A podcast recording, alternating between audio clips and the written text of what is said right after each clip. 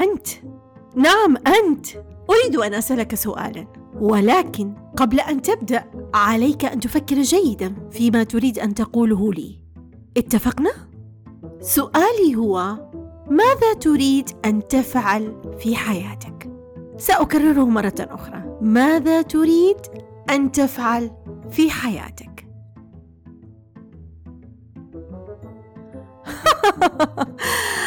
أقل لك يا صديقي أن سؤالي يحتاج إلى تفكير عميق؟ ولكن لا عليك. فأنا هنا. وفي هذه الحلقة من حلقات بودكاست بلورة سنفكر سويا وبصوت مسموع ونبحث بعمق عن إجابة هذا السؤال الذي يقول ماذا نريد أن نفعل في حياتنا؟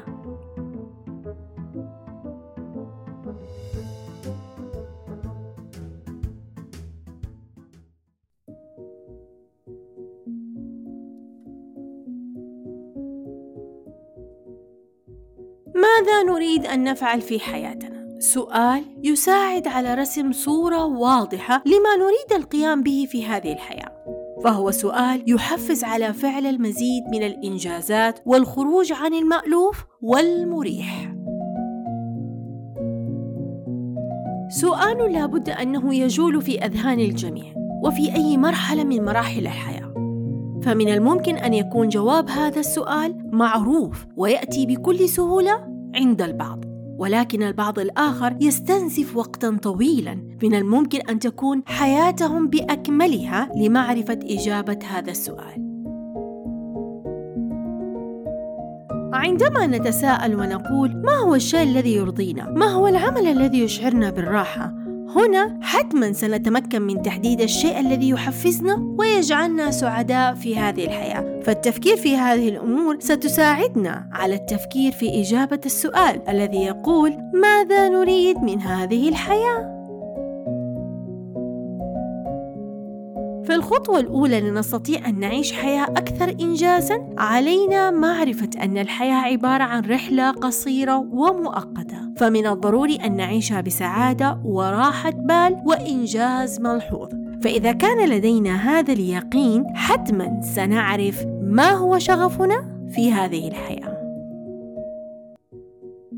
الجميع لديه تجارب سابقة في الحياة وهذه التجارب من الممكن أن تكون مؤلمة وهنا لابد أن نفكر جيدا في هذه التجارب التي مررنا بها وكيف أننا تجاوزناها بكل قوة وإصرار. فهذا حتما سيجعلنا نفتخر بهذه الذات التي نمتلكها ونستطيع أن نجعلها كذلك عندما نتساءل ونقول كيف أستطيع أن أجعل هذه التجارب مصدر فخر بالنسبة لي. فعندما نبحث عن إجابة هذا السؤال سنعمل على تحقيق ذلك عن طريق وضع خطة صحيحة نستطيع من خلالها معرفة الإجابة الصحيحة.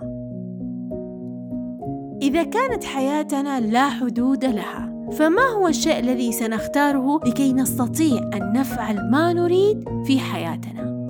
لأننا عندما نستطيع أن نعرف ماذا سنختار في هذه الحياة سيساعدنا ذلك على تحديد أهدافنا والوصول إلى نقطة معلومة ومحددة في حياتنا. فنخلق من هذه المعرفة طريق نحو السعادة.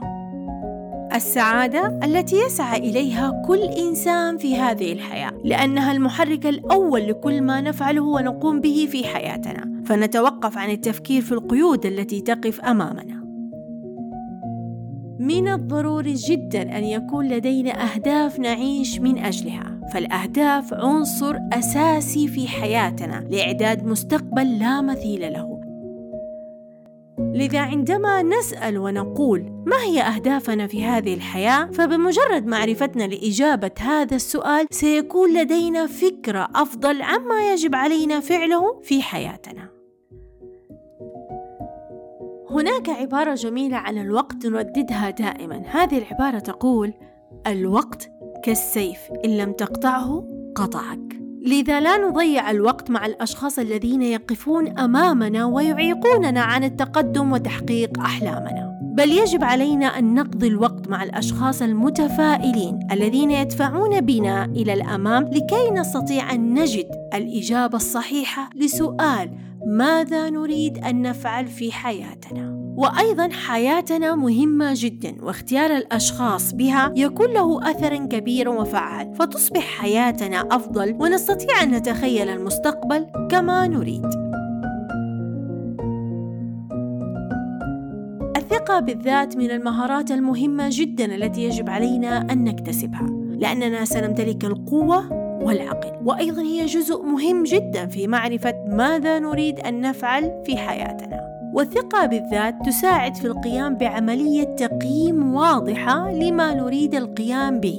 وأيضا الثقة بالذات تساعد في معرفة الأمور التي نكره القيام بها. فاكتسابنا لهذه المهارة يساعدنا في اتخاذ الإجراء السليم الذي يقودنا إلى السؤال الأخير في معرفة الإجابة لسؤال ماذا نريد أن نفعل في حياتنا؟ وهذا السؤال يقول إلى أي درجة علي أن أعمل بجد للحصول على ما أريد في هذه الحياة؟ لأنه لا يأتي الإنجاز العظيم بسهولة أبدا. فإذا كنا نريد فعل إنجازات رائعة في حياتنا علينا أن نبذل جهدا كبيرا وأيضا أن نعمل لساعات طويلة. فمن خلال معرفة الإجابة الصحيحة على السؤال الأخير سنتعلم كيف نعمل على قدر الطاقة التي نمتلكها. لنستطيع أن نصل إلى ما نريد ونحقق أهدافنا في هذه الحياة. وأخيرا يا أصدقائي وفي نهاية حلقتنا. معرفة الإجابة الصحيحة على سؤال ماذا نريد أن نفعل في حياتنا سيساعدنا حتما على معرفة أن الحياة ما هي إلا تجربة ولا بد أن نتذكر أنه لا شيء نهائي في هذه الحياة. فلا نحزن على تجربة لم تنجح في حياتنا فحتما استفدنا منها بطريقة أو بأخرى أو على الأقل اكتشفنا الطريق السليم.